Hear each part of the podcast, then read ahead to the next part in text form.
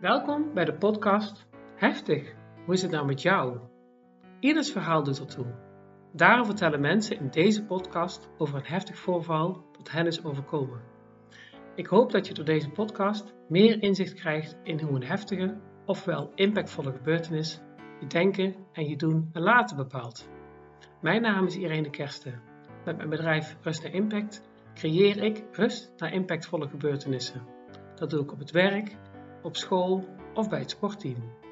Ik vind het daarbij belangrijk om echt in gesprek te gaan met mensen, zodat de ander zich gezien en gehoord voelt. Door te luisteren naar heftige verhalen, ook in deze podcast, ontstaan hopelijk meer kennis en meer begrip hiervoor.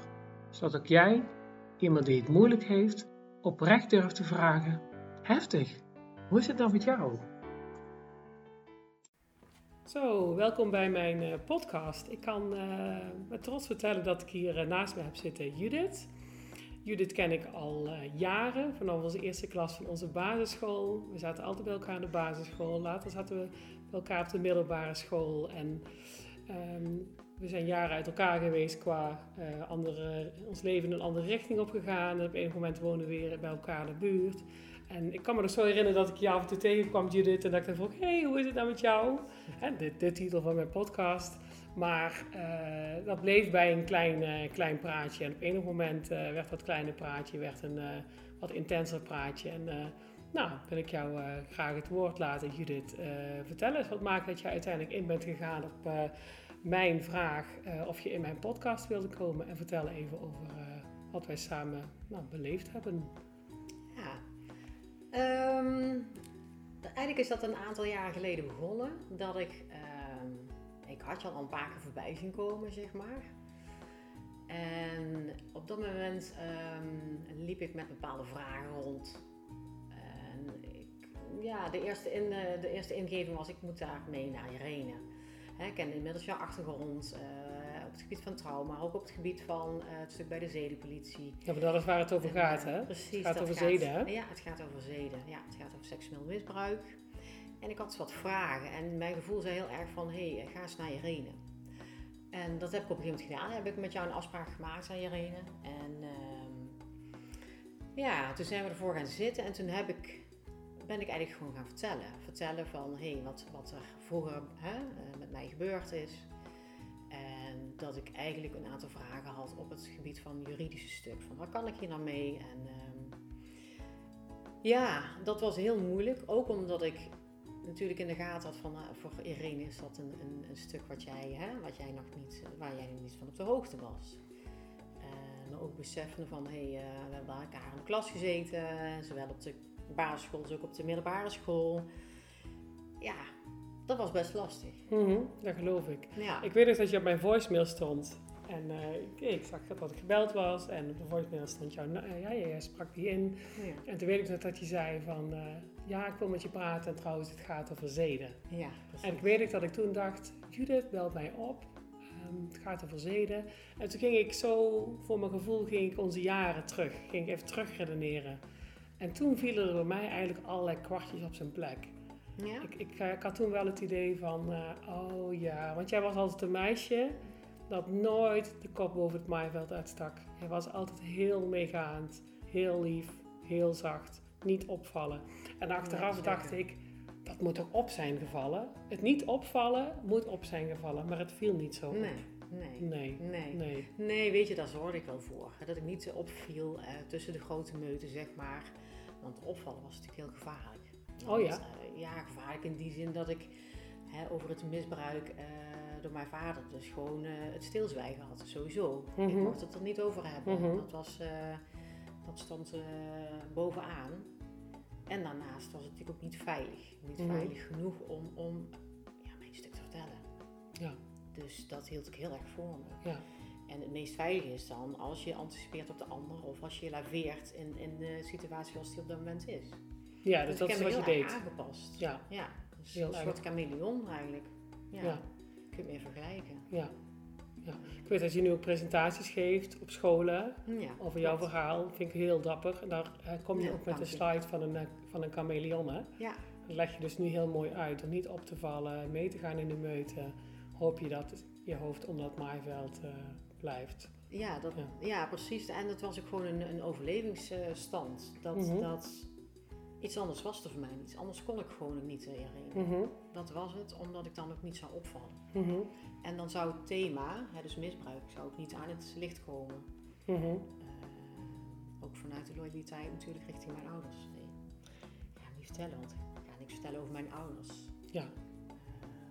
Eh, ja, Is dat iets wat je meekreeg of is dat iets wat je bewust meekreeg of onbewust meekreeg? Eh, ik denk beide wel. Beide omdat je eh, hè, sowieso het stilzwijgen werd opgelegd. En daardoor heel veel angst, ont, hè, daaruit ook heel veel angst ontstond. En ik dacht van ja, daar, gaat, oh, daar, daar, wil ik niet, daar wil ik niks over kwijt. Mhm, Eh, en onbewust, ja, je neemt alles ehm, in je hoofd mee, maar ook in je lijf. Dus, dus het, het, ehm, het niet laten zien wat er gebeurt, zat niet zozeer in mijn hoofd. Ja, zat ook in mijn hoofd, zeg maar ook in mijn lijf. Oké. Dus onbewust heb ik mijn lijf ook altijd heel erg op slot gehad. Dus alles stond eigenlijk op slot. Dus de gedachten, de, de overlevingsstand, fysiek, maar ook ja, mentaal, zeg maar. Ja. Dus ik, ja. Ja. Ja, dus Ja, wat dat- je eigenlijk ja, zegt is... Zeggen. Ja, dat is echt een chameleon. Ja. Niet Dus je hoofd registreert van alles, maar Ja. je lijf registreert ook van alles. Ja, precies. Bewust, onbewust. Ja. Ja. En dat, dat, dat resulteert erin dat je, op, je, je lijf op slot gaat. Kun je daar iets meer over vertellen? Hoe dat dan voelde, hoe dat dan was? Ja, eigenlijk was ik altijd in een gespannen toestand. En het gekke is, dat kan ik achter... Op het moment zelf is het een overlevingsstand en ben je daarmee niet mee bezig. Dan, dan is dat je, bijna je eerste natuur. Mhm. De- zo moet jij je eh, bewegen eh, het kunnen overleven. Achteraf gezien, Irene, denk ik... Ja, oké, het mijn lijf op slot staan betekent dus heel erg de spanning in mijn lijf hebben. Eh, onrust ervaren, eh, me slechter kunnen concentreren. ehm, heel erg moe zijn. Ehm, ja, eh, echt op slot staan, dat ik het ook wel in mijn spieren regelmatig voel. Dat, Oh ja. dat soort dingen. Ja, dat, heb ik, dat ervaarde ik wel, maar dat moment geen aandacht aan geven. Ik kan me ook wel voorstellen dat je dat als kind ook niet zo goed begrijpt. Nee, je- nee. Dat je de wereld sowieso niet goed begrijpt. Nee, precies. En ook omdat het op een redelijk ja, vroege leeftijd gebeurde, ja, ehm, heb je de taal niet paraat bij wat er gebeurt. Mhm. Dus, dus sla je heel veel lijfelijk op. Mhm. En dus wat jij zegt, hè, ja, je gaf het net al aan, dat, dat is ook moeilijk te begrijpen. Ja. Als, be- als kind begrijp je dat niet. Maar ook Ja. rond mij, maar gebeurt mij. Ik voel hier iets, ik voel daar iets. Ik kan me ook zomaar voorstellen dat voor luisteraars ook heel ingewikkeld is. Want we hebben meteen een heel heftig thema te pakken. Hè? Ja, zeker. Je bent jarenlang misbruikt door je vader. Ja. Ehm, ja, heel erg dapper dat je daar zo open over spreekt. Open met mij over spreekt. Hmm. Eh, inmiddels heb je een tijdje terug ook een eh, interview gegeven aan Libelle. Waar Ja. je echt met je zus samen vertelt dat je samen in het misbruikschuitje zat. En wat dat met elkaar, met, met elkaar doet. En dat je als symbool voor het misbruik samen met je zus een hele mooie tatoeage hebt gezet. Ja, zeker. Ja, dat vind ik prachtig. op. Ja, dat is wel grappig, want jij kwam uiteindelijk met het idee. Dat vind ik dan ook wel heel erg, eh, nou ja, bij, nee, het is niet toevallig, maar jij eh, gaf op een gegeven moment mij het berichtje van, hey Jut, eh, kijk eens naar de oproep van de libellen, want daar zoeken ze iemand met een tatoeage met een bepaalde betekenis. Ja, ja, En daar ben ik op ingehaakt en, en toen is een balletje gaan rollen. Dus Ja. echt heel eh, bijzonder, Irene. ja. En ja, het is wat jij zegt inderdaad. Ik ben er samen met mijn zus ingestapt. En eh wij zijn dat Libelle interview aangegaan. En ja, we hebben het eigenlijk een beetje ook wel bij de naam genoemd. Mhm. Ehm, ook omdat we er niet meer voor terug willen deinzen. Ook omdat we eh, anderen daarmee willen helpen. Ehm, en een stuk verwerking richting mezelf ook. Mhm. Ehm, ja, dus, dus echt wel heel erg helpend geweest om dit aan te gaan, om dit te doen. Mhm. Ik heb heel veel, ja, heel veel mooie reacties gekregen.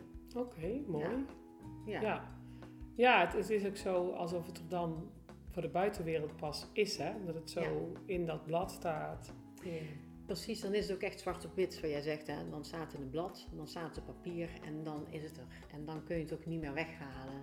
Dan, dan wordt zo'n blad verkocht, dat gaat over de toonbank. Eh, nou ja, heel veel mensen die het lezen en die lezen het verhaal. En ja, goed, mensen die dichtbij je staan, die herkennen mensen, hè, middels het verhaal. Maar je hebt ook mensen die niet dichtbij staan. Ja, en die ineens ook het verhaal voor zich Mhm. krijgen. En denken, oh, hé, ja. Hé, ja, maar die familie ken ik wel. Of Mhm. ik heb bij haar in de klas gezeten. Of het roept altijd reacties op natuurlijk. Ja, je woont ook nog in je eh, geboortedorp, hè? Ja, Ja, en je ouders zijn allebei nog in leven. ja, Ja. ja, precies. Dus je zegt dat je mooie reacties hebt gehad, maar heb je ook minder mooie reacties gehad? Ehm, ja, ik heb ja, minder mooie reacties. Ehm, jawel, ja, van mijn ouders. Hmm. Van mijn ouders heb ik minder mooie reacties gehad. Niet eh, persoonlijk, want dat contact dat, dat is er niet. Ja, je hebt helemaal gebroken hè, met je ouders. Ik heb gebroken inderdaad. En ehm, ook omdat ik alleen maar een beschuldiging, eh, een beschuldiging kreeg eh, dat het mijn schuld was. En ik op een gegeven moment daar ook niet meer, ja, niet meer, ja, daar kon ik, daar kon ik niks meer mee. Mhm. Ehm, dus voor mij was dat ook wel mijn grens. Ja, mijn grens was toen bereikt, Hmm. zeg maar. Hè, dat, ik denk dat je het even nog toe mag leggen. Je kreeg de beschuldiging van je ouders. Ik, ik heb mijn ouders geconfronteerd hè, met, met, mijn, eh, met het verleden, hè, dus misbruik. Ik heb mijn vader daarmee geconfronteerd. Ik heb gezegd van, hè, jij bent eh, de verdachte in dit stuk en eh, jij hebt het eh, gedaan. En hij herkende dat absoluut niet, integendeel, hij sprak dat tegen. En ehm, mijn moeder die zat er eigenlijk bij, zonder eh, iets te zeggen. Die, die sprak nog tegen, nog, eh, nog mee. En ehm, alleen maar beschuldiging van het, klopt, het verhaal klopt niet. En ehm, dat heb ik vaker gehoord, niet alleen die keer, maar daarna ook wel een aantal keren. Van, eh, dat ik niet eh, spoorde en dat ik ze niet allemaal op een rijtje had. En eh, dat er helemaal niks van klopte. En dat was ook de reactie uiteindelijk op het eh, interview in de Libellen. Eh, van, god, eh, hoe kan iets ehm, in de Libellen staan terwijl het helemaal niet waar is? Oh, dat komt Dus- bij mij echt heel erg binnen. En ik kan me voorstellen bij luisteraars ook. Want je bent dus aan het vertellen dat het misbruik jaren heeft geduurd. Ja, zeker. Ja, En dat je daar met je ouders over in gesprek gaat. Waarvan Ja. ik dan denk, Ja. ja. maar dat is toch gewoon duidelijk. Want het speelde toch al die jaren. ja. En dan wordt het uiteindelijk ontkend. En eigenlijk wordt het omgedraaid. Ja. Dat er iets mis is met jou. Ja, en eh, ik heb het in het begin daar heel erg moeilijk mee gehad, Irene. Eh dat ik dacht? Dat het mij echt ook wel weer raakte van, zie je wel, ligt toch aan mij. Hmm. Misschien ben ik ook wel gek, of misschien klopt het ook niet wat ik denk Mhm. of wat ik aan herinneringen heb. Of, hè? Dus je gaat in eerste instantie heel erg in je twijfelen. Maar naarmate je, zeg maar, ik verder in mijn proces van hulp en van hè, kwam en ik wat meer puzzelstukjes op hun plek terug kon leggen, dacht ik, ja hallo, dit is waar. Ja. Het is zo waar als een klontje, zeg maar. Ja. Ik, kan het niet, ik kan het niet anders maken. Het is, het is een feit, het is gewoon zo. En dan ehm, verschuift dat stukje ook van, ligt aan mij, naar, nee, maar het ligt niet aan mij. Hmm. Het is, echt, het is me echt overkomen. Ja, ik vind het heel bijzonder om te horen dat je dat dan lang gedacht hebt. Het ligt aan mij. Ik kan me er wel Ja. iets bij voorstellen dat je een heel klein kindje bent. Precies. Ja. Ja. en in feite, in feite eh, heb je het dan ook nog steeds over het kleine kindje wat je volgens mij in je hebt. Ik denk altijd, ik denk altijd zo dat we allemaal een, alle vrouwen hebben een klein meisje in zich en alle mannen hebben een klein jongetje in zich. Jij zit helemaal Ja. instemmend te knikken. Ja, dat klopt. Ja, iedereen heeft zo'n zo dat wel eens innerlijk kind, maar je kindstuk. Iedereen draagt een kind in zich. Ja, En als jij eh, op een gezonde manier bent opgevoed en je hebt heel liefdevolle ouders gekend, dan is dat kindstuk heeft, heeft tot ontwikkeling mogen komen. En daardoor ben je ook een, een gezonde volwassene Ja. kunnen worden. Maar als dat kind op jonge leeftijd al eh, door misbruik in mijn geval ehm, aangetast wordt en stilstaat in ontwikkeling, Hmm. ja, dan, dan draag je dat mee. ja, dat is wel heel mooi wat je zegt. Dat eigenlijk dat kleine kindje van, van, van, eh, van, van toen, dat dat al eigenlijk een stukje st- ja, stuk is gemaakt. Ja, Eh, ja, dat dat niet is gedragen. En eigenlijk Ja, gun ik alle kinderen die ter wereld komen vier, vier, vier armen zeker. zijn kindje dragen. Laat Zeker. staan dat het zoiets verschrikkelijks wordt aangedaan. Ja, ja, onvoorwaardelijke liefde. En, er, en er voor het kind zijn. Mhm. Eh, en daaromheen veiligheid geven. Dat, dat, ja, dat zijn een aantal hele belangrijke aspecten uit een goede opvoeding. Ja. Die heb ik enorm gemist. Die heb ik Ja. niet gekend. Dus je moet je enorm alleen hebben gevoeld als Altijd. kind. Altijd. Je voelde je altijd. alleen. Altijd, ja. Ja, want ik had natuurlijk twee ouders die, niet, die er niet voor mij konden zijn. Kijk, mijn vader, eh, daar kon ik niet bij terecht, want daar zat het misbruik op, zeg maar. En mijn moeder, daar merkte ik al van jongs af aan aan dat hij niet beschikbaar was. Oké, Die hoezo dan? Nou, ik, ik heb als kind heel vaak geprobeerd om bij haar zeg maar, wel de liefde en erkenning te krijgen. En, eh, maar daar kon zij niks mee. Zij kon niet die empathie geven. Ehm, ja, zij, zij kon mij niet geven wat ik nodig had. En hoe ging dat dan met dagelijkse dingetjes? Niet? Niet? Zelf doen. Zelf oplossen. Ja. Zelf oplossen. Dus ik weet dat ik... ehm, ik was heel angstig door het gebeuren. En dat begon s ochtends al met naar school gaan Irene. Dat ik dacht, maar ik wil eigenlijk helemaal niet school. Want wat, school was voor mij gewoon ook niet veilig. Want als het thuis al niet veilig is... Ja, dan is het op ander zeker niet veilig. Dus in dat opzicht was alles wat anders was dan thuis... Wat eigenlijk ook al niet veilig was, voor mij heel onveilig. En ehm, ja, dan stond ik ochtends op en dan wilde ik naar school. Dan had ik zo'n buikpijn. Had ik zoveel angst dat ik naar mijn moeder ging en zei: Naar school, ik, eh, ja, je moet, je moet. En die duwde me eigenlijk altijd bijna letterlijk de deur uit. Zonder enige van, ah, vervelend of ah, ik weet dat er iets aan de hand is. Of nee, nooit. De troost die je eigenlijk nodig had. Precies, de troost en de veilige haven. En iemand die er voor mij zeg maar, was op dat moment, ja, die was er niet. Ja, misschien een hele domme vraag, maar had ze wel in de gaten wat er gebeurde? Ja, ze had wel in de gaten wat er gebeurde. Ik heb, eh, zij, ja, zij was zeg maar. eh, zij was erbij toen het gebeurde, Irene. Oh, serieus? Zij was erbij toen het gebeurde. Ja. Ja. Ja. Oh, ik, ja, en ik, zeg zelf- dat, en ik merk dat ik dat zelf ook, hè, dat krijg ik dan nog steeds, vind ik dat heel lastig. Ook omdat ik zelf moeder ben van twee kinderen en zielsveel van mijn kinderen houd. En me met geen mogelijkheid kan indenken dat je als moeder zijnde dit over je hart krijgt. En dat je niks doet, daar, is, daar kan ik niet verkroppen. Dat, Nee. dat vind ik het nog wel steeds een lastig stuk. Waar ik heel veel, eh, merk dat dat, dat daar gewoon heel erg veel pijn doet. Ja. Dat met name. Maar ja, weet je, ik heb inmiddels zoveel herinneringen dat zij erbij was, Irene, en gewoon niet ingreep. Hm. En, eh, dus zij is getuige geweest van het gebeuren. Ja. Hè, dus ja, Ja, ongelooflijk, maar waar, Ja, helaas. ja. ja, er gaan echt een paar dingen door me heen. Ehm, we gaan er altijd van uit dat moeders zo graag het beste voor hebben met hun kind. Nou heb ik vaak met zedenslachtoffers te maken gehad vanuit Ja. mijn werk. Ik heb bij de Ja. zedenpolitie gewerkt. Dus inmiddels heb ik daar wat meer verhalen over gehoord. Maar ja, het, het, het, het eh, schokt mij altijd weer. En, en nu, nu hoor je dat ook weer zeggen. Ja, Ja, ja, het, ja, ik vind het nog steeds een lastig stuk, maar dat is misschien ook meer omdat ik er zelf als moeder emotie bij heb. Mhm.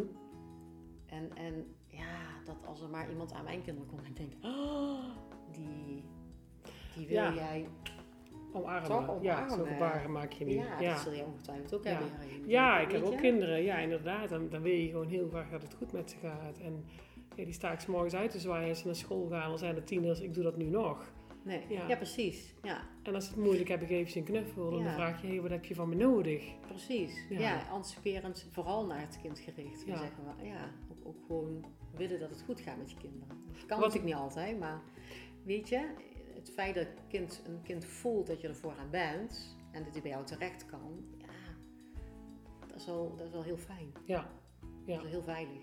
ja. Dus, eh, Ja, en even voor de luisteraars. Ik zit al zo naar Judith te kijken. En dan moet je weten dat het nu een hele sprankelende dame is. Waar ik Nou, echt van onder de indruk ben. ja, ja, nou ja, je, Ja. Was, je was vroeger een meisje dat echt onder het maaiveld bleef. Ik, ik heb je wel eens zeker. vergeleken met een grijs muisje wat gewoon niet op wil, wil Nee. vallen. En je bent een ontzettend mooie meid. En je hebt Ja. een enorme innerlijke kracht. En ik ken jou als moeder en als partner van jouw man. Maar ja, En dan zie ik gewoon dat jullie een super mooi gezin zijn. En je hebt ook hele empathische kinderen. Dat vind ik echt prachtig. Dus ja, en hoe ben je dan daar gekomen van een meisje dat zo onder het maaiveld bleef tot sprankelende meid die je nu bent?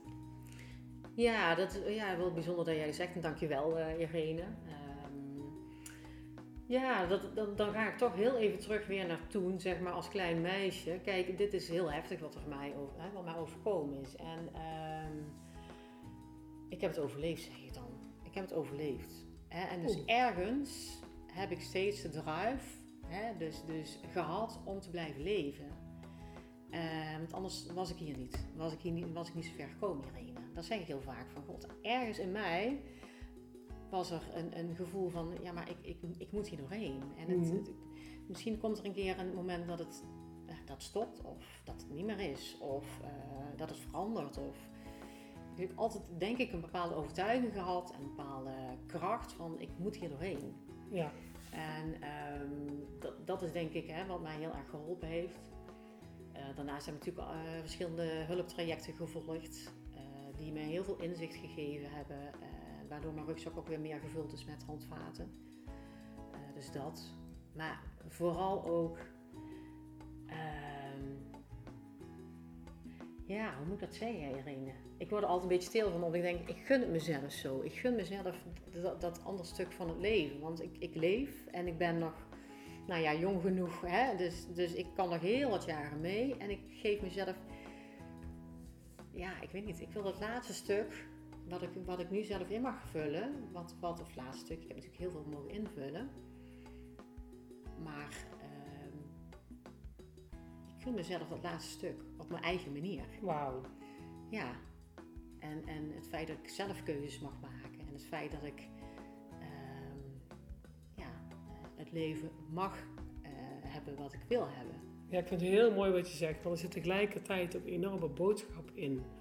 Want je zegt ook hè, waar je vandaan komt, het, het, het- het misbruik wat jarenlang duurde, de pijn die je daarbij gevoeld hebt. Want wat, je, wat ik ook van je weet, is dat je het ook heel lang hebt weggestopt. Ja, Dus precies. doe maar gewoon alsof het er niet is. Precies, ja. Ja. Ja, omdat er geen andere mogelijkheid was, eh Irene. Ja. Ik, ik kon het ook niet, ik, ja. Want je was al ver in volwassen leven Ja. dat je het toeliet dat het er was geweest. Dat je, het, dat je met die, met die Ja, puzzelstukjes aan de slag ging. Hoe, hoe is die, Ja. die tussenperiode geweest? Ik denk die tussenperiode, hè, wat jij zegt, eh, het is heel lang niet geweest, het is heel lang in de vermijdend. Ik heb echt in, in, in een vermijdingsstand gestaan. En dat betekent dus zo ver mogelijk het stuk wegduwen. Hè? Dus, dus, en ja, dat resulteert dan het feit dat je in een overlevingsstand gaat. eh, dat je daar niet meer aan denkt. Mhm. En dat je maar gewoon doorgaat. En ehm, ja, dat zijn dan eh, strategieën die je dan niet zelf aanleert. Dus door hard werken, door er altijd te zijn voor de ander, door eh, nou ja, een goede moeder te zijn voor de kinderen. Dus ehm, nou ja, goede moeder ben ik, ben ik nu ook, hè, maar ehm, wel op een andere manier. Oké. Ja, dat klinkt misschien een beetje Ja, raar. kun je dat uitleggen? In het begin, toen ik net moeder werd, Irene, toen was het heel erg zoeken. Eh, van hoe, hoe ga ik nou mijn kinderen opvoeden? Ja, want je had niet Want veel voorbeeld we het zo mogen Ja, ik heb geen gezond referentiekader opgebouwd. Hè, wat de meeste mensen wel hebben. Die hebben een referentiekader waar ze eh, uit kunnen halen. Hè? Waar ze Mhm. dingen uit kunnen halen. Die hebben, Ik denk dat we inderdaad hebben onbewust ervaren. van onze ouders dat meenemen. Als Ja. er iets mee te nemen valt. nou ja, en dat is als je niks mee te nemen hebt. Hoe ga je dan je eigen kinderen opvoeden? Ja. En, wat, eh, en, en ik heb me de eerste paar jaar heel erg laten leiden door mijn ouders. Daar had ik toen nog wel een goed contact mee, tussen haakjes dan. Hè. Dat contact was er toen nog. Maar op een gegeven moment eh, zei mijn gevoel ook van... eh, eh, nee, nee, ik voel het niet goed. Ik moet hem eigen weer gaan doen. Oké. En toen ben ik een andere afslag gaan nemen. En toen heb ik heel erg gevoeld, met name van... Nee, maar wat, wil ik mijn kinderen nou geven? Mhm. Ehm, en dat, dat heeft geresulteerd in het feit van... Oké, wel bepaalde grenzen geven. Mhm. En binnen die grenzen kunnen er dingen, zeg maar... eh, ja, hoe moet, dat, hoe moet ik dat uitleggen? Ja, dat klinkt als een hele gezonde Eh, manier van je kinderen Ja, opvoeden. nou ja, precies. Hè. Er zijn grenzen, want ik vind grenzen zijn heel veilig en heel duidelijk. En daar Mhm. bied je structuur mee. Dat is voor iedere kind goed. Maar daarbinnen is best veel mogelijk, in overleg met elkaar. Ik ben heel erg van het communiceren en het bespreken. En dat heeft, ja, ik, ik, ik denk dat daardoor ook onze jongens gewoon, eh, samen met, met mijn man natuurlijk, hè. Ja. Want dat doe, ik doe dat niet Of alleen, dat doe je niet met, alleen. met, met Mark natuurlijk. Dat we juist gewoon een hele eh, goede basis hebben kunnen ehm, ja, dat het een goede basis is, heeft geleid. En dat onze jongens nu gewoon ook echt prima hun leven leiden zoals Ja. ze het willen leiden. Ja. Eh, Nou, dat vind ik dan dus wel ontzettend knap. Want je bent het eigenlijk zelf opnieuw moeten gaan uitvinden. Ja, samen met Mark dan. ja. Hoe ga je dat dan doen? En welke... Je, ja, welke richting? ja, of haal je dit uit een boek? Maar ja, opvoeden uit kun je ook niet alleen uit een boek halen. Nee, ik denk dat ik intuïtief eh, veel heb gedaan. Ja, daardoor eh, heb ik ook, werk ik op school. Daardoor werk ik ook graag met kinderen. Dus intuïtief ben ik ja, mag het dan van mezelf zeggen, redelijk sterk. Dus Ja. ik voel heel snel aan wat het kind nodig heeft. Hè? Dus ja, dat, dat, misschien heeft het ook wel te maken met mijn eigen jeugd. Dat je dingen gaat ombuigen. Dat je juist wat je niet hebt gehad, dat je dat juist probeert aan een ander te geven. Hmm. En ehm, ik heb ook altijd tegen mezelf gezegd, eh Jarine, ik heb, ik heb keuze. Wauw. Ja, en daar heeft mij altijd geholpen. Ik heb een keuze. Hè? Ik kan Ja. kiezen voor het oude stuk en dezelfde, steeds dezelfde afslag te nemen zoals ik het altijd gedaan heb. Of nu een keer mijn eigen keuze te maken. Ik maak mijn eigen keuze. Precies. Ja, ik vind Ja. dat wel echt heel mooi. En ik wil ook nog even teruggaan naar wat, je, eh, wat ik er net zei. Dat je zo'n boodschap hebt ook aan, eh, aan de luisteraars. Dat je inderdaad altijd een keuze hebt. Hmm, dat zeg zeker. je nu. Ja. Ehm, en dat je ook door heel die pijn heen bent gegaan. ja. eh, waardoor je nu staat waar je nu staat. Hmm. En waardoor je nu ook kunt, kunt bloeien. hè. Zoals de, de, de Hmm. tattoo die je op je arm hebt van, eh, Ja, van, bloem. van de bloem. Ja, zeker. Die is tot bloei gekomen, zo, Ja. zo zie ik dat dan. Ehm, en dat dat, eh, dat dat alleen maar kan door, door de pijn heen te gaan. En dat het Ja. wegstoppen uiteindelijk niet te doen is. Nee, nee, nee, zeker niet. Nee, nee. Nee. En a- achteraf, mensen hebben me wel eens gevraagd hierin van God, eh, eh, nu je terugkijkt, had je het dan niet liever op slot gehad, gehouden? Zodat Mhm. je, hè? Eh, en dan denk ik, nee, Nee. nee. Hoe pijnlijk en hoe confronterend eh, het ook is, zeker niet. Want ik heb nu zeg maar wel bereikt wat ik wilde bereiken. Hmm. En ehm, ik heb nu een, een, een, een toekomstbeeld wat ik voorheen niet had. Ja. Ja, dus nee, ik, nee, het is heel goed dat, dat het opengebroken is en dat er uitgekomen is wat eruit moest. Want uiteindelijk is er maar één weg en dat is de weg naar buiten gereden. Ja. En dat is, dat, dat is een proces van jaren in mijn geval. En ik weet ook, dit gaat nooit weg. Dit blijft altijd een stuk van mij. En dat Mhm. is prima. Alleen, wat ik ook wel eens zeg, Irene, en dat heb ik tegen jou denk ik ook wel eens gezegd. Ik ben niet, ik ben niet het misbruik. Ik ben Judith en ik heb dit meegemaakt. En dit zal altijd een stuk van mij zijn. Maar daarnaast ben ik ook gewoon Judith met een man, een gezin, eh, een hond, eh, vriendinnen zoals jij er een bent, Irene. Ik doe leuke dingen. Ik vind het heerlijk om te shoppen. Ik vind het heerlijk om te lezen. Ja, dus, dus het is meer als alleen dat stuk wat ik heb meegemaakt. En natuurlijk heeft me dat gevormd, Mhm. maar het maakt me geen slachtoffer meer. Nee, nee. Dat, is, dat is wel heel mooi wat je zegt. Dat zeg je dan eigenlijk ook door het aan te gaan, door een andere keuze te maken, door Ja. echt te gaan leven, wat dan eigenlijk pas goed is gebeurd nadat je hulp bent gaan zoeken, nadat je het open hebt gegooid, ja nadat je het met je omgeving bent gaan delen. Want dat heb je gedaan, hè? je hebt Ja. het met je vrienden gedeeld, je kinderen weten hier alles van. ja Ehm, zeker. Ja, eh, dat je daardoor juist de ruimte hebt gevoeld en dat je zegt, hé, hey, nou is het, is het mijn leven en Ja. mijn toekomst en eh, ik ga het anders doen. ja, Ja, nou, dat vind ik wel een hele, vind ik een hele krachtige en vind ik ook een hele mooie boodschap ook eh, naar iedereen die luistert. Dat Ja. dat de weg is. ja, en ik weet je wat is Irene, ik zie het in het werkveld. En het is nu, hè, ik geef die gastlessen, maar ik, ik zou het iedereen die op het gebied van een traumatisch verleden of hè, een traumatisch stuk meegemaakt heeft, willen gunnen. Hmm. dat ze dat andere stuk mogen zien. Dat is dan, eh, ja, dat, dat, ja. Ja, Ja, dat, Dat zeg je ik echt heel mooi. toe. Want ja, Ja. dat, dat vind ik een hele mooie boodschap. ja, Dat je ook zegt van het is, ehm, ik ben meer dan het misbruik. ik Ja, ben zeker. ook al het andere. Ja. Ja, dat is me overkomen. Ja, Dat klopt. precies. Dat gaat niet weg. Nee, nee, er blijft gewoon een rood litteken. En natuurlijk zal ik daar regelmatig aan herinnerd worden, maar ja, ja, dat, dat, ja, dat hoort bij mij. Mhm. En daar moet ik op dat moment dan mee dealen als het zo is. Mhm. Eh, maar dat, dat komt wel. Daar heb ik dan ook wel weer het vertrouwen in. Dat komt wel.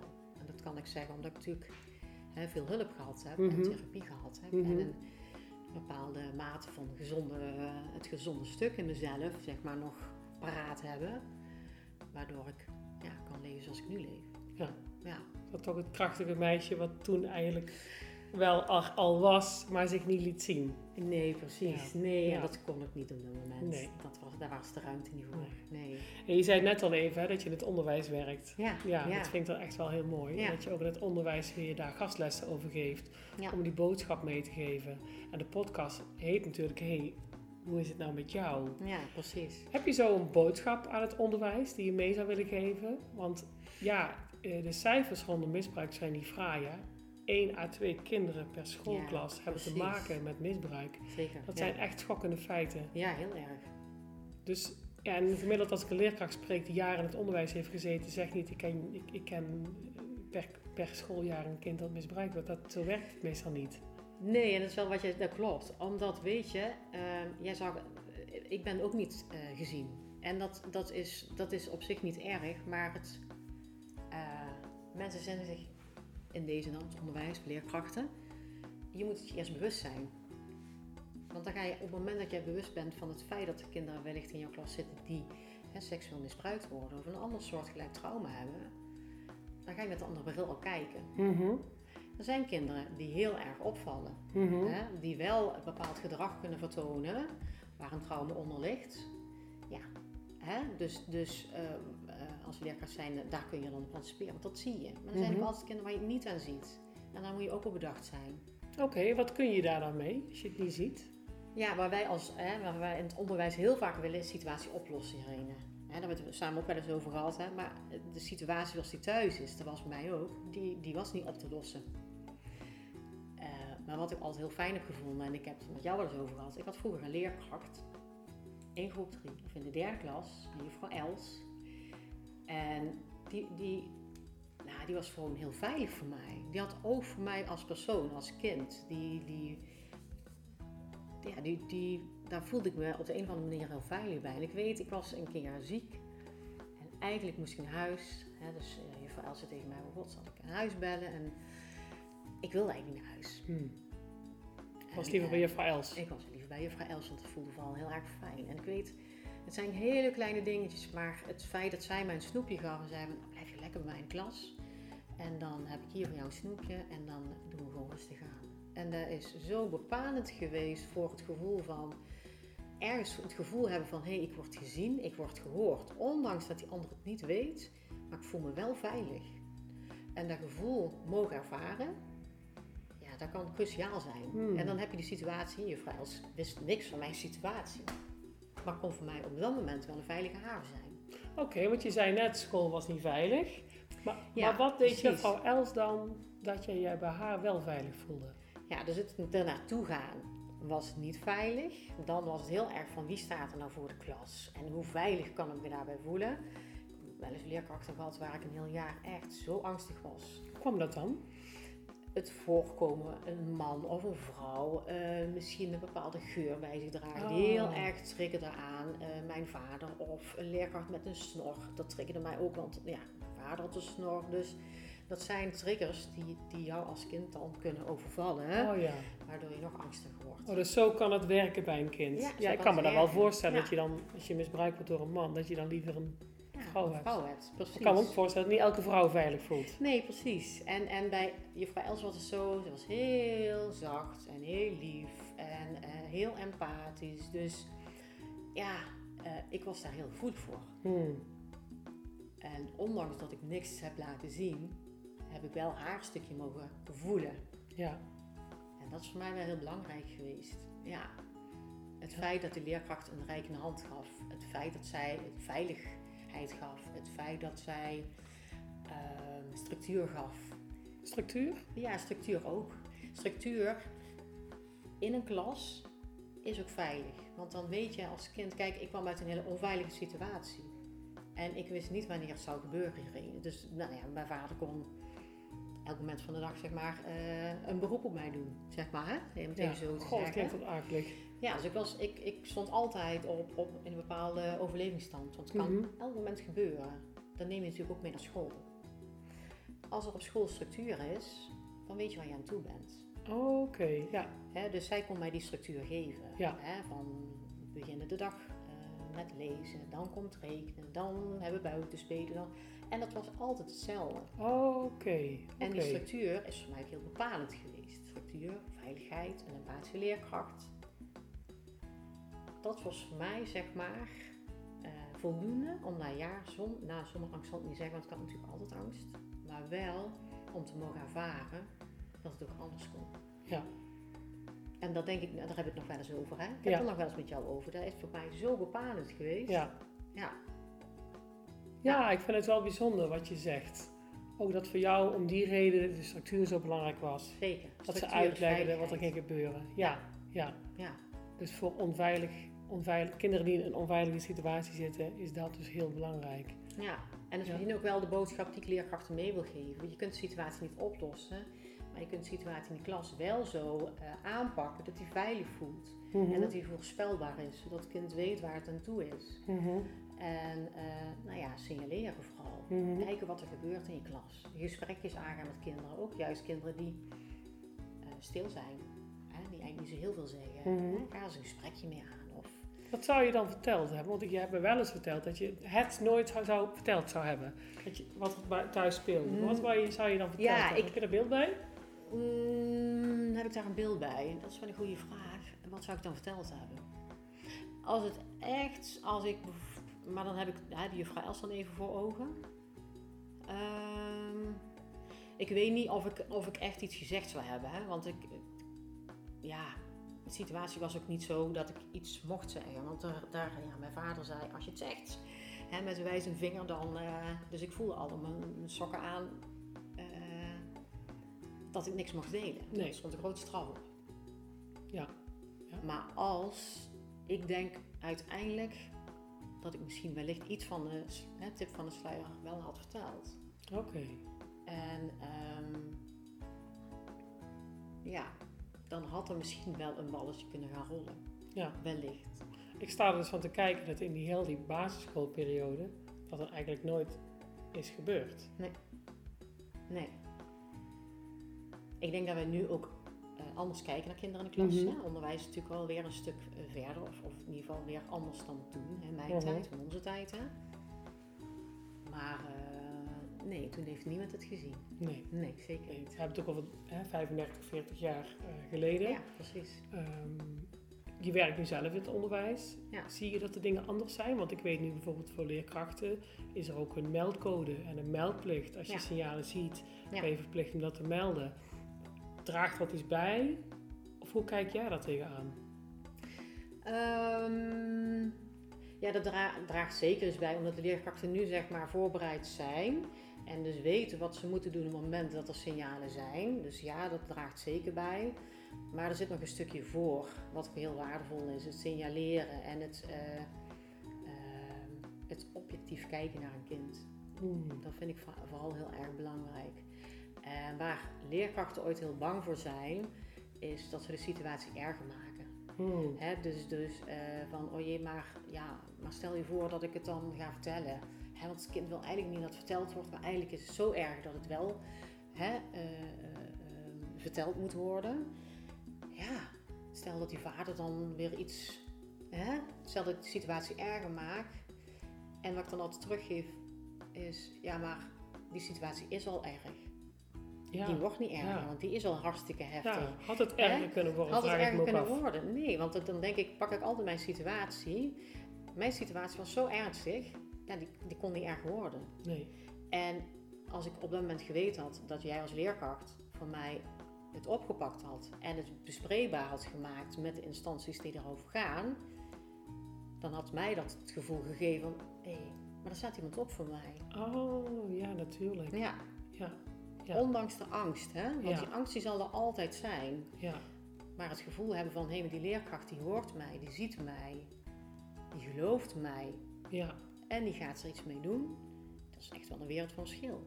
Oké, ja, ik vind Ja. het wel iets heel moois wat je meegeeft. Ja, Eh, dat leerkrachten vaak zeggen, ik wil het oplossen, maar ik kan het niet oplossen.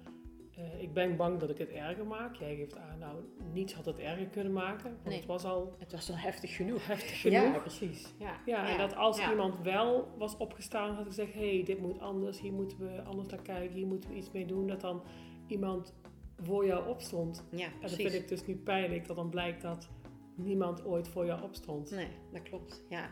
En dan komen we terug bij het eerste stuk wat jij zegt, hè? Eh, eenzaam. Ja, ik heb me gewoon heel eenzaam gevoeld. Ja, ja. Ja. Ja. Weet je.